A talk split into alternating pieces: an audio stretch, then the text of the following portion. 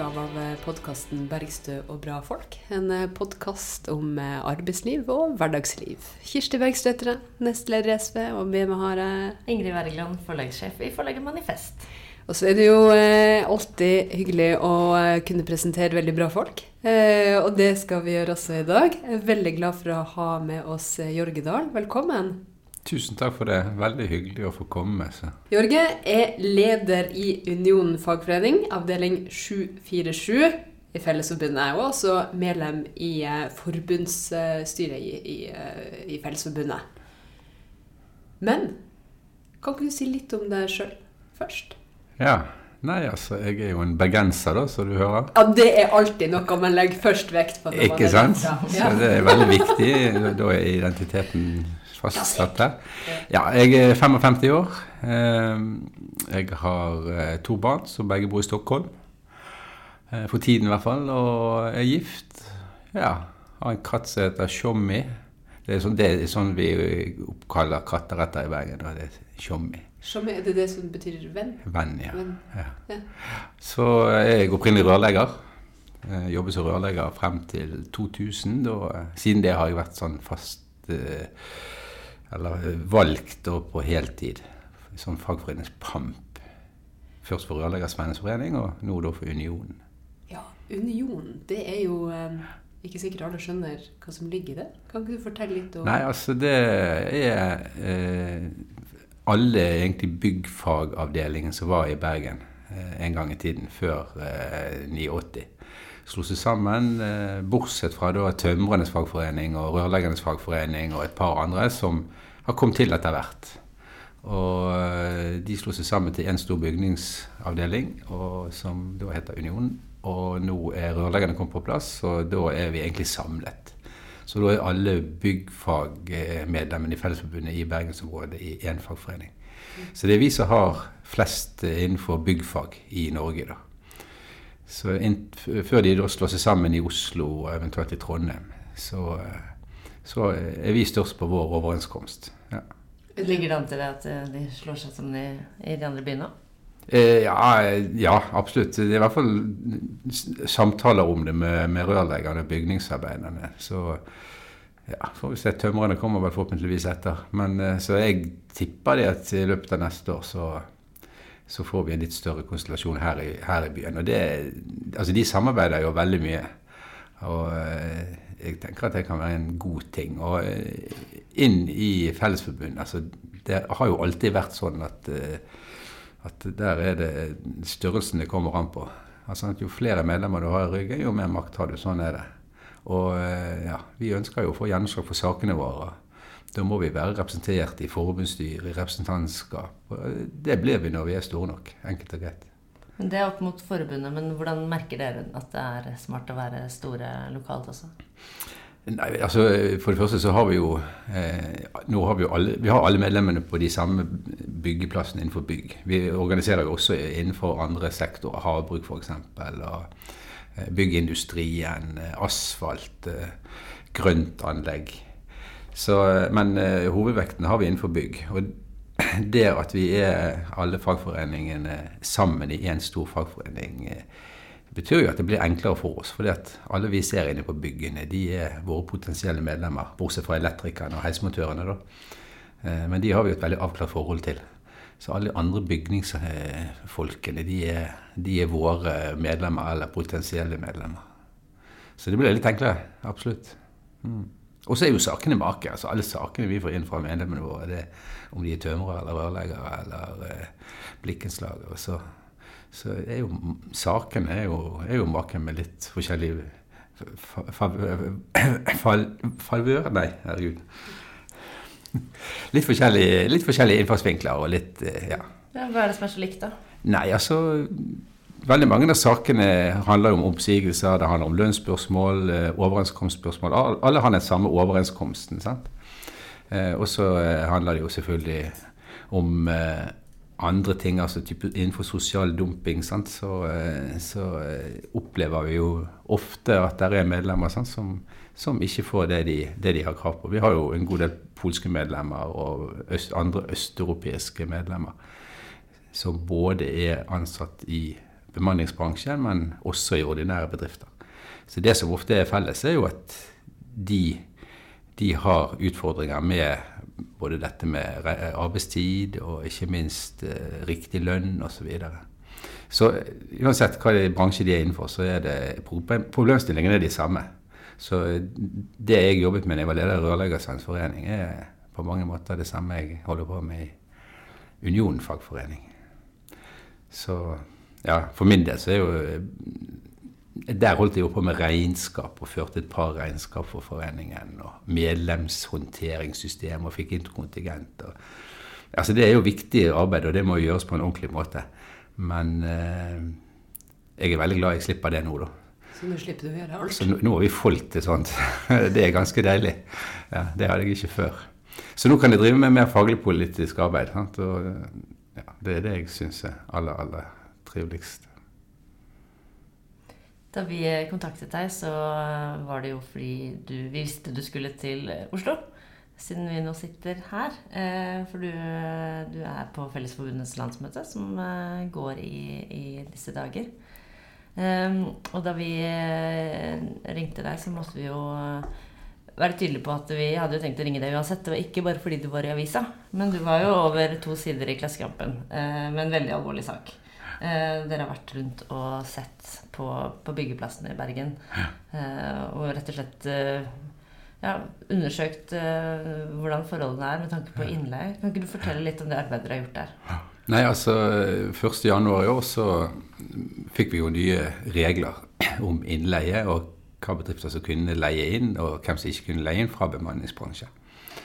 Eh, og nå, eh, altså Regler har jo for så vidt vært bra alltid, men eh, de har jo ikke fungert. Det har alltid vært sånn at det er kun bedrifter med tariffavtale som kan leie inn fra bemannings, bemanningsbransjen. Men så har ikke arbeidsmiljøloven definert hva en tariffavtale er. Nei, For det trodde man jo folk skjønte hva var for noe. Og, og, det gjør jo selvfølgelig folk òg, men eh, men når man skal omgå en lov, så finner man jo på andre måter å gjøre det. Så, så det ble skrevet veldig mye rare tariffavtaler. Og, og, ja, sånn liksom-avtaler. Liksom-avtaler. Sånn som eh, hvis jeg skal leie inn til deg, så kan vi lage en avtale på det og så kalle det en tariffavtale. Eh, nå er det ikke sånn. Nå eh, må de ha en tariffavtale med eh, en organisasjon type Fellesforbundet. Man skal minst ha 10 000 medlemmer, være landsomfattende.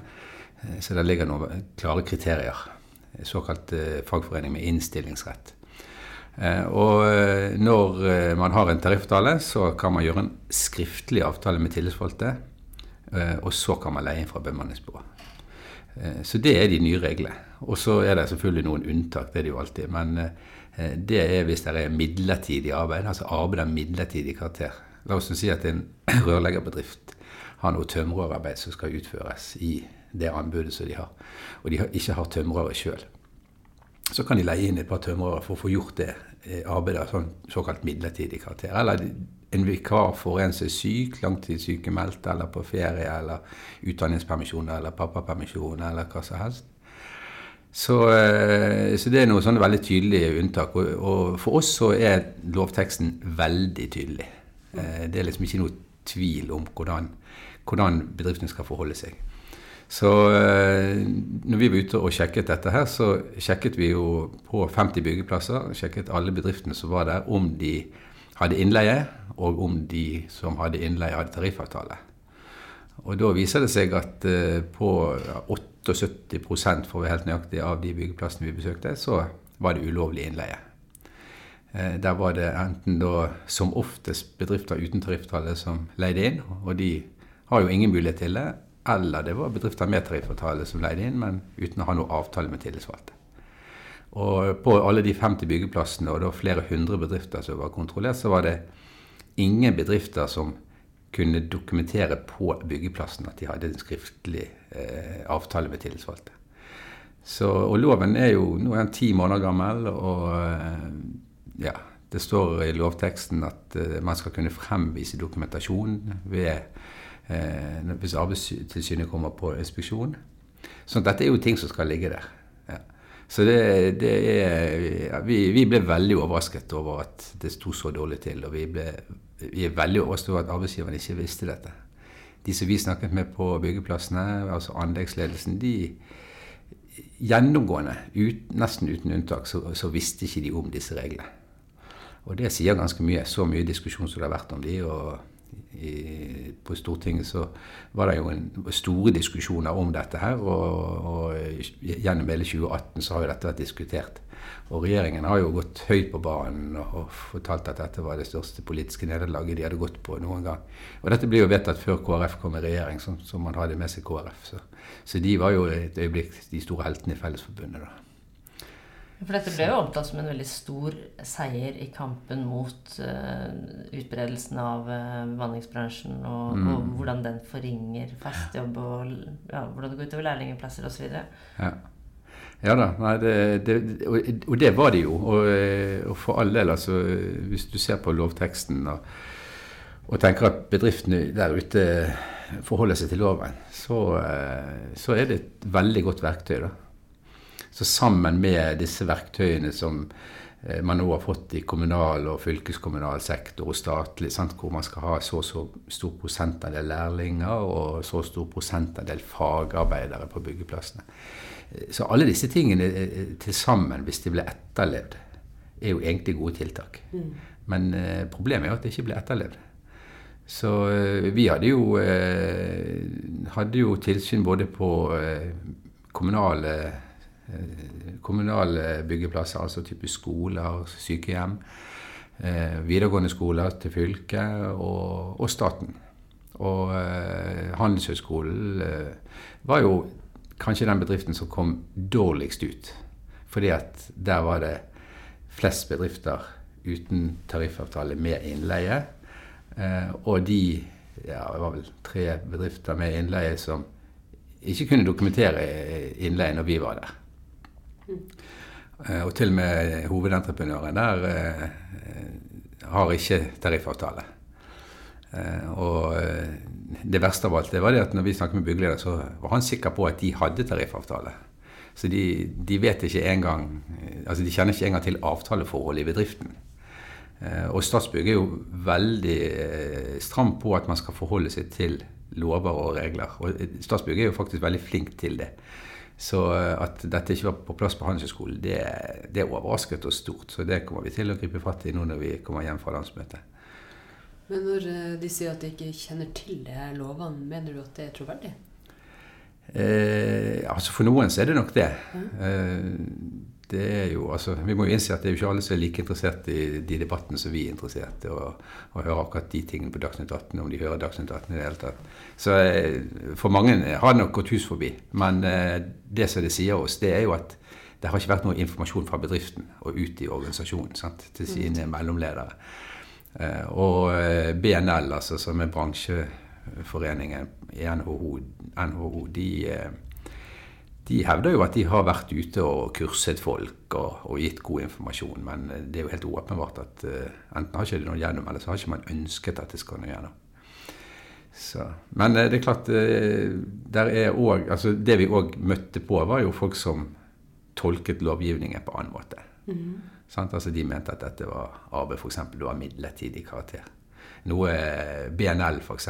er veldig tydelig på at det som en tømmerbedrift eller rørleggerbedrift holder på med, det er ikke arbeid av midlertidig karakter, det er ordinært arbeid. Og sånn er det jo selvfølgelig. Altså, fordi man da tenker at det er midlertidig karakter fordi det er et å bygge et Ja, sant. Reise et bygg er midlertidig? Altså, er det sånn man tenker da? Ja, det, ja, sånn kan man kanskje tenke. det er jo kreativt. Ja, det er veldig kreativt. Så, og, og, og, det som er det at vi altså, Arbeidstilsynet de, de, har jo ikke noe påseplikt. Sånn at eh, det er jo hva, hva, hva betyr påseplikt? Nei, altså, De har jo en påseplikt i arbeidsmiljøloven. Sant? På uh, det fysiske arbeidsmiljøet og psykiske arbeidsmiljøet osv. Så, så, så, så de, de, har bestemmelser altså Det er de som liksom kan gå ut og kontrollere at arbeidsmiljøloven uh, overholdes. Men så har du sånne oppsigelsessaker, f.eks. Så er jo det fagforeningen som kommer inn i bildet. Eh, men eh, når det gjelder det området om innleie, så, så er ikke det gitt noe mandat til Arbeidstilsynet. Og det er heller ikke gitt noen ressurser for at de skal kunne ut og, og, og eh, gjøre noe med det. Nå, forhåpentligvis så kommer det. Men PT så, så, er det ingen som har noe påseplikt. Og, og vi har jo ikke noe politimyndighet, dessverre. Så, så vi Borger, kan ikke Borgervern til Ja. fagbevegelsen. Ja, en liten bot kunne vi gitt i ny og ne, syns jeg. Men eh, ok, de strammer jo seg godt opp når vi kommer. Da, så, Ja. så sånn sett har jo eh, altså effekten av at vi kommer på besøk, er jo veldig ofte den samme som om Arbeidstilsynet kommer. Så, eh, så vi er jo glad for det. Og, og noen av de, de som vi møter, gjør jo det de kan for å rette opp i fadesene sine, men andre er veldig likegyldige. Ja. Fagbevegelsen er jo uh, de, er vaktbikkja som er der ute, eh, både liksom lokalt på klubbnivå osv. For, å- for å opprettholde arbeidsmiljøloven eh, i, i langt større grad enn Arbeidstilsynet. Og det er vel sånn må det vel også være, hvis ikke ville vi fått et litt sånn sykt overvåkningssamfunn. Men, men likevel, det er jo det er godt du, du sier at Arbeidstilsynet antageligvis kommer til å, til å, til å få mer ansvar for, Mm. for å følge opp akkurat dette også.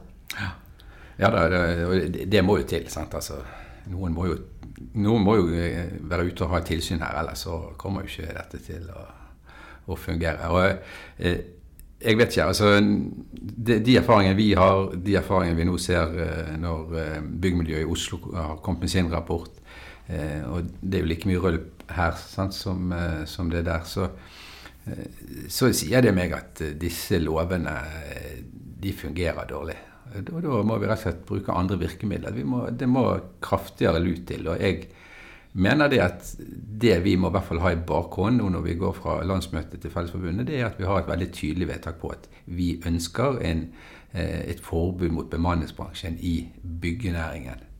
Eh, om ikke vi skal eh, gå og kreve det til dagens regjering med en gang, eh, for det vil vi uansett ikke få noe gjennomslag for, så må vi ha det som et, eh, et krav når vi får en ny regjering om to år.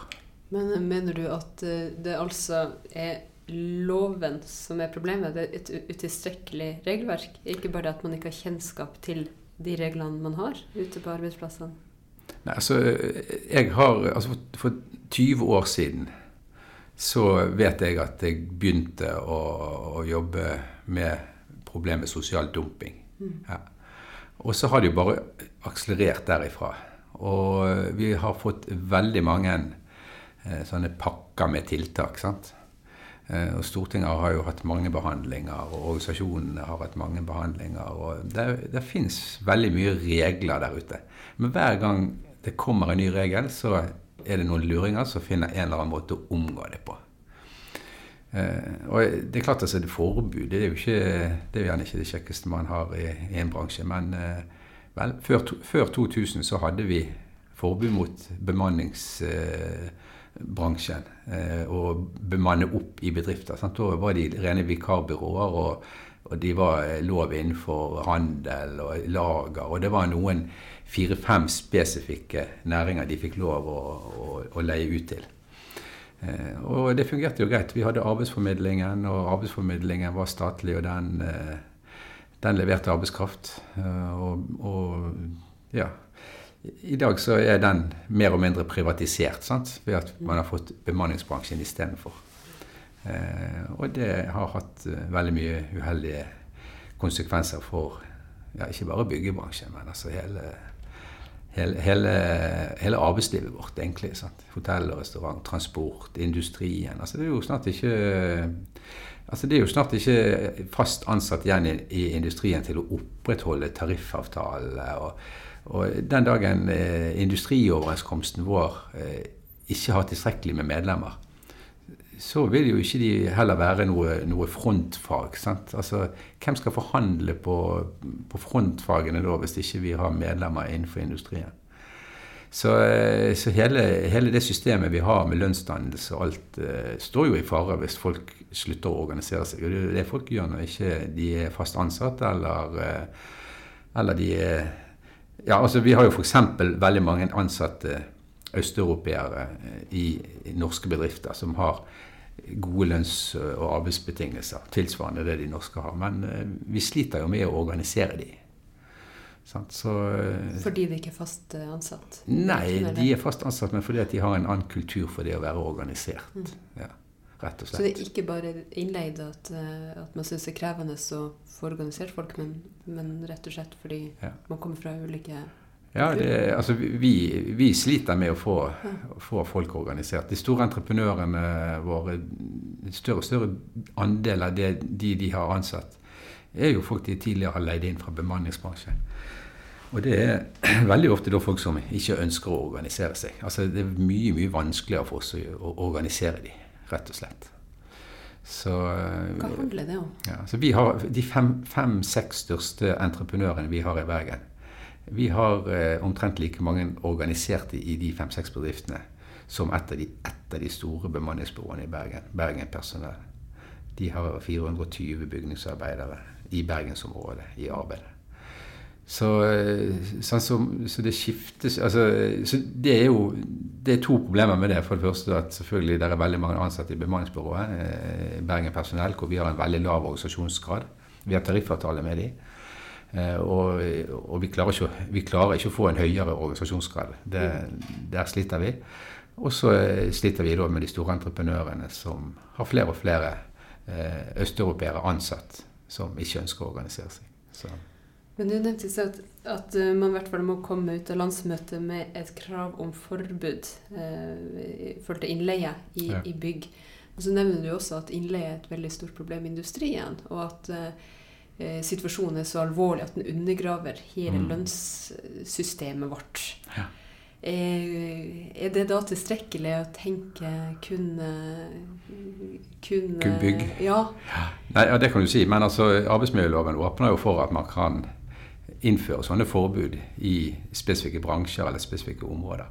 Sånn at eh, bygg er der jeg tenker at det kan være fornuftig. For der er folkene allerede de er jo innleid i dag. sånn at det vil jo ikke være noe problem å ansette folk. Uh, og, uh, men altså i, i, industrien så vil det nok være vanskeligere. For f.eks. Lærvik på Stord. Uh, der kan det jo være 10 000 arbeidere sant, og, og, jobbe på store prosjekter på verftene. og det er jo begrenset hvor mange platearbeidere og rørleggere der fins på, på Stord og i området rundt de verftene. Så der har det vært en tradisjon for innleie alltid. Altså Folk har vært reisende. sant? De har bodd på brakke, og de har vært tilknyttet andre verft på kysten. Og de har drevet og, og byttet på hvor de har jobbet hen. Eh, men sånn som det var før, så var jo det, var jo det eh, norske innleide fra andre produksjonsbedrifter som ble leid inn. Og, og, og som ofte så var de medlemmer av LO alle sammen. Sånn, så, så, på de store verftene så, så, var det veldig mange innleide, men, men var, alle var medlemmer, alle var fagorganisert. Sånn. Og i dag så, så er, er, de fagorganisert i, i, et kraftig mindretall på, på de samme verftene. Sant? Og alle de har leid inn, de er fra bemanningsbransjen og ikke lenger fra produksjonsbedrifter. Og dette er jo en bemanningsbransje som ikke har noe annen hensikt enn å enn å tjene penger. Altså, de skal skumme fløten av markedene, og eh, de er ikke genuint opptatt av verken industrien vår eller byggene våre. Det er ikke derfor de driver. Enkelt og greit. Men eh, ja, som du sier, så har jo dette vært noe man har gjort alltid, men da med innleie fra andre produksjonsbedrifter, som da kanskje ikke har hatt så mye oppdrag ikke sant, i de ja. periodene. Ja. Sånn at hvis man da har et forbud, så kunne man vel gjort det igjen? Altså... Ja, ja, altså for all del. Jeg er ikke redd for at man Det går definitivt an å reversere disse tingene òg. Men det, det, skjer ikke over natten. Nei, det, det skjønner jeg, men jeg bare tenker fordi eh, Et argument man ofte får høre, er ja, men da får vi ikke tak i folk, liksom. Men det er jo ikke sånn at bemanningsbransjen dyrker fram mennesker i kjelleren, liksom. Nei, nei. Disse menneskene er jo ja. der, et eller annet sted. Altså, hvis jeg tar en rundspørring hos eh, ja, på de, la oss si de 50 byggeplassene vi var på, da spør byggeledelsen på alle de byggeplassene hvordan det ville gått hvis vi, eh, hvis vi hadde forbud mot bemanningsbransjen, så ville i hvert fall 99% av de sagt at det vil ikke kunne fungere. Altså det, Markedet kan ikke fungere uten innleie. Så vi er kommet der. Men, eh, men, det er klart at det kunne det. Det var jo bare å gjøre noe alternativt, nemlig å ansette folk fast istedenfor å leie dem inn.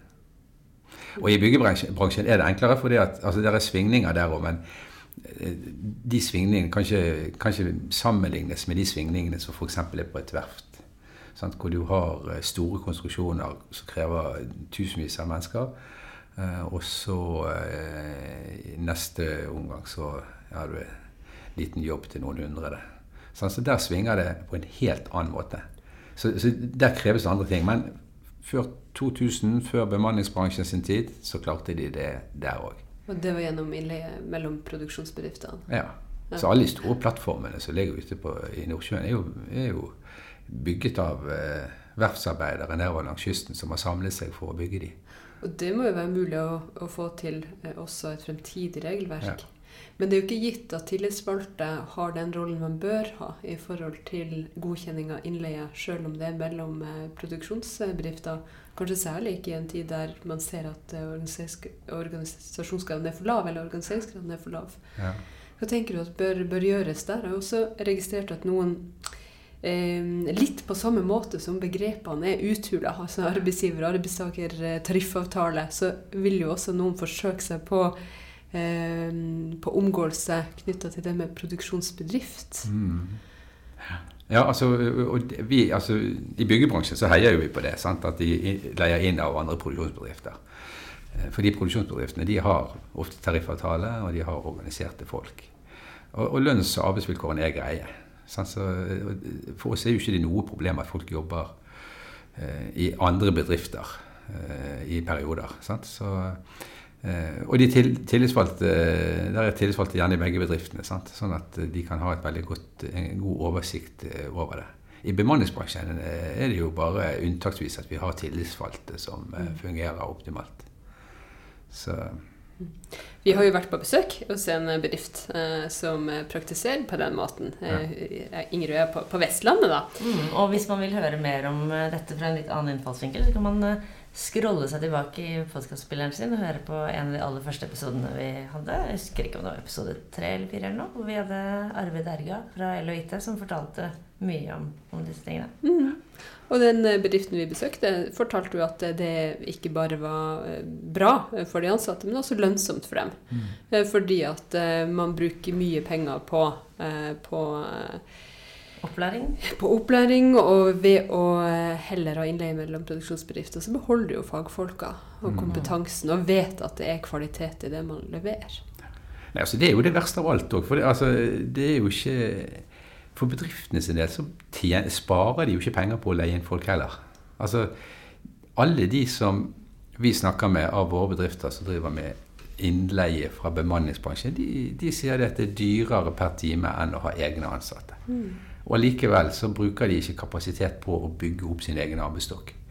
Eh, Jeg, syns det er veldig, veldig veldig rart. De bedriftene som gjør det, det er, finner du ofte i, i den bransjen jeg kommer fra, rørleggerbransjen. Der er, er, de mye flinkere med å bygge opp egne ansatte sant? og ta inn lærlinger. Og, og også eh, de store elektrikerfirmaene og heismontøren osv. Så, videre. så, så, så at ikke, at ikke byggebransjen er mer aktiv på å bygge opp egen arbeidsstokk når de ser hvordan systemet er. Sant? Altså, de innleide, de eh, Altså kvaliteten òg synker. Det er jo ikke altså, Det er noe vi hører jevnt over. Kvaliteten synker. Og, eh, og det er dyrere. Eh, og, eh, og de jobber lange dager. Sant? De holder gjerne på ti timer dagen. Sant? Lenge etter at de, de andre på bygget er gått, gått hjem. Så, så har du masse innleiefolk som eh, virvler rundt. Og, og de forteller jo oss, disse byggelederne, at det produseres veldig lite eh, etter klokken tre. Så eh, hva de tenker på så det, De ansetter noen økonomer, tenker jeg. Så kanskje Nei, det er veldig rart. Det, jeg syns det er veldig rart at det har fått sånn utbredelse som det har fått. Rett og slett. Det er lite økonomisk og lite effektivt. Og, og ikke minst, vi har problemer med fagbevegelsen og organisasjonsgraden. Og det er kanskje det aller største problemet, sånn som jeg ser det nå. Så, så et forbud mot, eh, mot innleie Argumentene om, om organisasjonsprosenten og, og organisasjonsgraden eh, er kanskje det aller, aller viktigste. Altså. For det er, det er farlig hvis den synker, eh, synker lenger ned enn den gjør nå. Det går liksom en grense for når man kan ha et godt fungerende arbeidsliv eh, i forhold til hvor mange som er organisert. Og det er jo en veldig stor debatt på landsmøtet Mm. til eh, Fellesforbundet. Både i forhold til hvordan har innleiekampanjen, eh, eller kampanjen for å bevisstgjøre medlemmene og ta de nye reglene i bruk, fungert. Og, og hva som gjøres, eh, hva som gjøres videre. Og så er det jo også andre temaer som ja, vekker ekstra stor debatt. Det må man kunne si. Ja. Og det, altså, det er klart, EØS-debatten er jo en, en debatt uh, oppi dette med sosial dumping. Sant? Og det hadde jo ikke vært den debatten om ikke det hadde vært for innleie. Og, Nei, det henger tett i hop. Ja, det gjør det, altså. sant?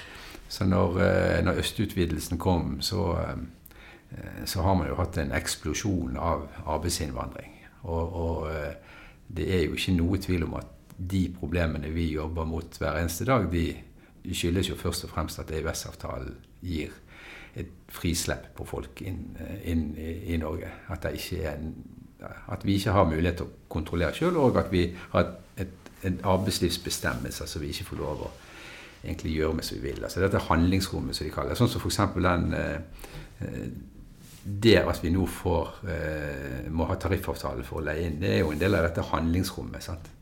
Altså handlingsrommet i uh, Ja, altså handlingsrommet i EØS-avtalen. Ja. at det, Der finner man en mulighet. Dette enorme umøblerte rommet. Eh, yes, ja.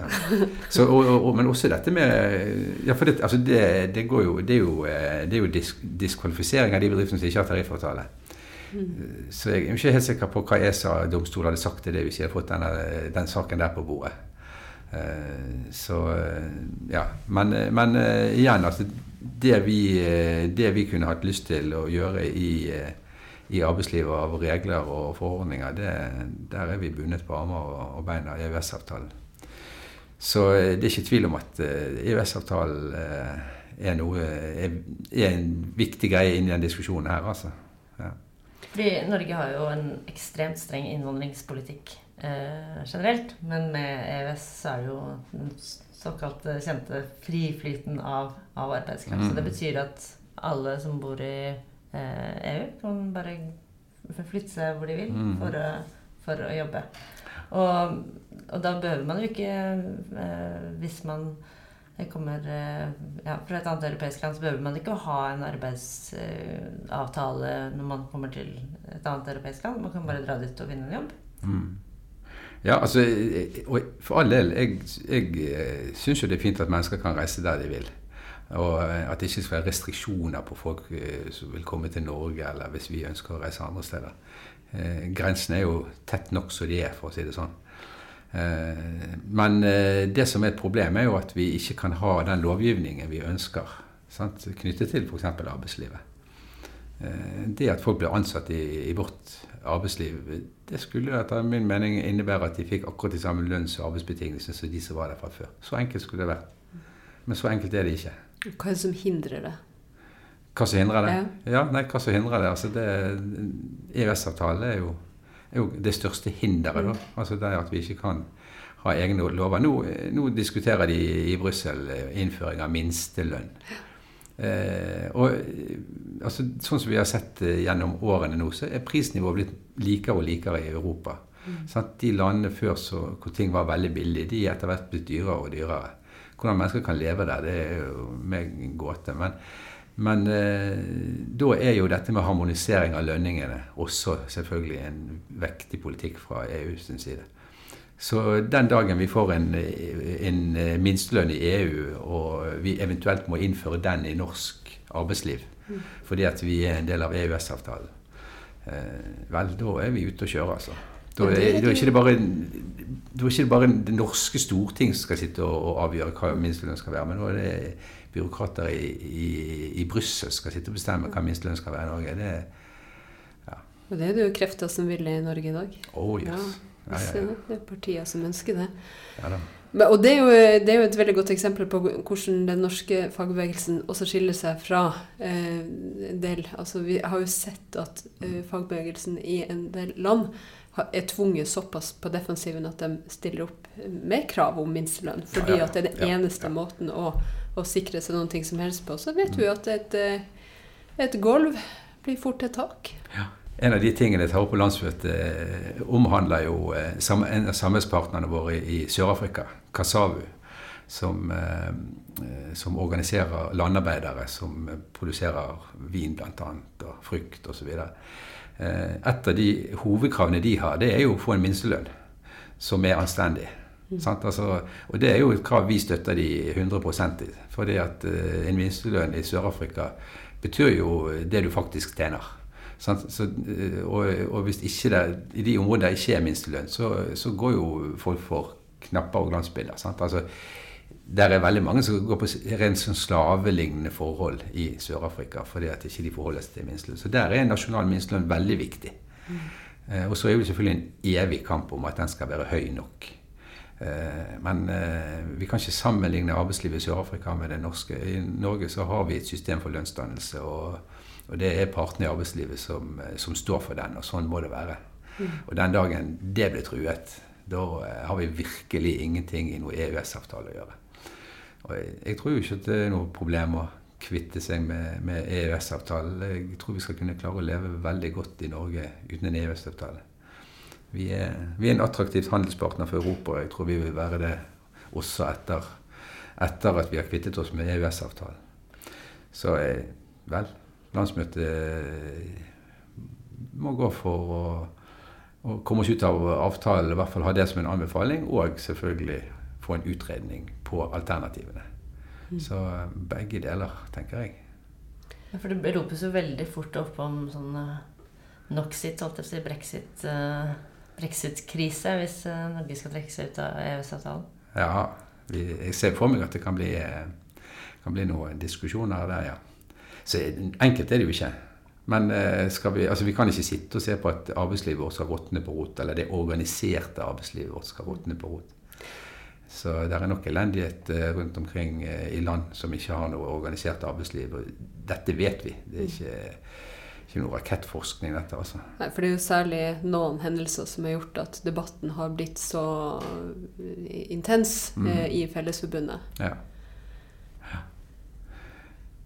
Ja da, det, det, er klart. Og, eh, altså, man går jo veldig man går jo veldig i skyttergravene, da. sant? Og jeg vet ikke, altså Det er jo ikke noe hemmelighet at Arbeiderpartiet står sterkt i, blant tillitsvalgte i Fellesforbundet. Eh, og spesielt i, i, de sentrale leddene. Så eh, og Arbeiderpartiet har jo ingen ønske om eh, verken noe EØS-debatt eller i hvert fall ikke å, å, melde oss ut av noe EØS. Altså, det var jo Arbeiderpartiet som eh, ordnet det så vi fikk EØS-avtale i sin tid. Så, så eh, der er, ja, der er mye vikarierende argumenter eh, ute og går i diskusjonen. Så så enkelt er det ikke. Men det er vel en helt annen debatt på, på grunnplanet nå, i forhold til eh, de eh, angrepene man ser ja. på opparbeida eh, på tariffavtaler, ja. på reisekost og losji, på eh. Ja da, det er absolutt. Altså, der, tillitsvalgte der ute er forbanna. Medlemmene mm. våre er forbanna. Så da må forbundet kunne klare å komme med i hvert fall noen svar hvor vi vil gå. Mm. Og nå er det jo ikke sånn at det er vi som regjerer i Norge. Så, enda. Nei, enda. så det vi bestemmer på landsmøtene våre, det er jo, eh, er jo, bare den retningen vi skal gå i, og den marsjordren som landsmøtet skal gi til forbundsstyret. Ja, og Det blir jo en klar beskjed inn mot LO også. Det er, ja, det er helt kjempeviktig det er klart, det, hva, hva, som vedtas på Fellesforbundets landsmøte. Ja, det, det kan ingen overse i det her landet. Nei da, vi, eh, vi, kommer, vi, kommer, nok til å få se lignende vedtak på LO-kongressen om to år. Eh, og da vet vi jo at det er valg, og, og, da vil vi jo helst se lignende vedtak i de partiene vi samarbeider med.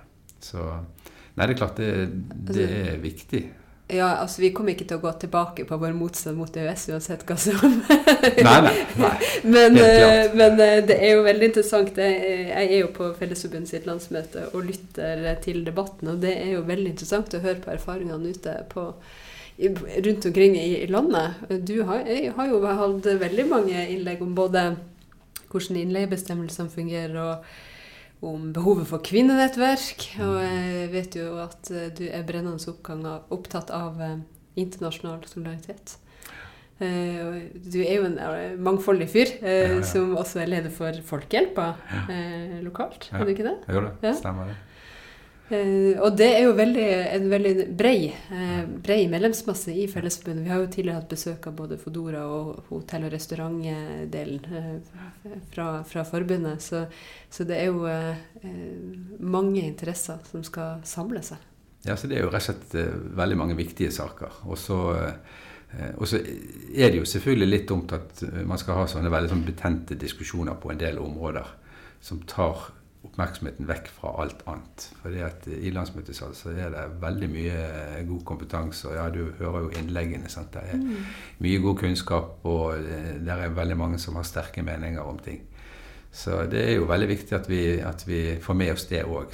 Mm. Du nevner kvinnenettverket, f.eks. Altså, jeg tenker For Fellesforbundet så er, må det være en veldig viktig ting å, å jobbe med. Vi, vi har veldig, veldig mange eh, yrker som er veldig mannsdominert. og Det kan du se på landsmøtesammensetningen òg. Den er jo ikke akkurat kvinnedominert, for å si det sånn. Mm. Så vi, vi, ønsker oss flere kvinner inn i Fellesforbundet, og da må vi få flere kvinner inn i de fagene hvor vi organiserer. Og eh, jeg tror det at med kvinnenettverk så, uh, så kan vi klare å øke både andel kvinner i fagene, andel kvinner i fagforeningene, og ikke minst gjøre hverdagen for de kvinnene som er i våre fag, mye bedre. Så, ja, så det, det syns jeg er en viktig sak. Vi, vi, har veldig god erfaring fra dette i Bergen, så det har vi lyst til å overføre til forbundet. Det er alltid mye klokt man kan lære fra erfaringer gjort i Bergen. Det ja, ja, ja, syns jeg er en sånn generell god leveregel. Det er veldig ofte der det begynner. Ja, det er mye, mye, bra som begynner der. Det er jo, altså, det, altså, Bergen er jo Norges vakreste by òg, så det er jo ikke rart at mye bra popper opp der. Heller. Kan vi ta en ny, ny, ny, nytt kapittel nå av podkasten? Ja, kan vi altså, snakke om Bergen? Og ja, jeg tror vi må ha de tre neste episodene til, som er dedikert til Bergen, hvis vi skal kunne eh, få, få uh, uttømt det temaet. Så det tror jeg nesten vi bare må la ligge. På samme måte vi må bare la de spennende diskusjonene om næringspolitikk og et grønt skifte osv. ligger fordi vår tid er i ferd med å renne ut. Men til slutt så har jo vi et fast spørsmål, for du har jo ikke alltid vært rørlegger.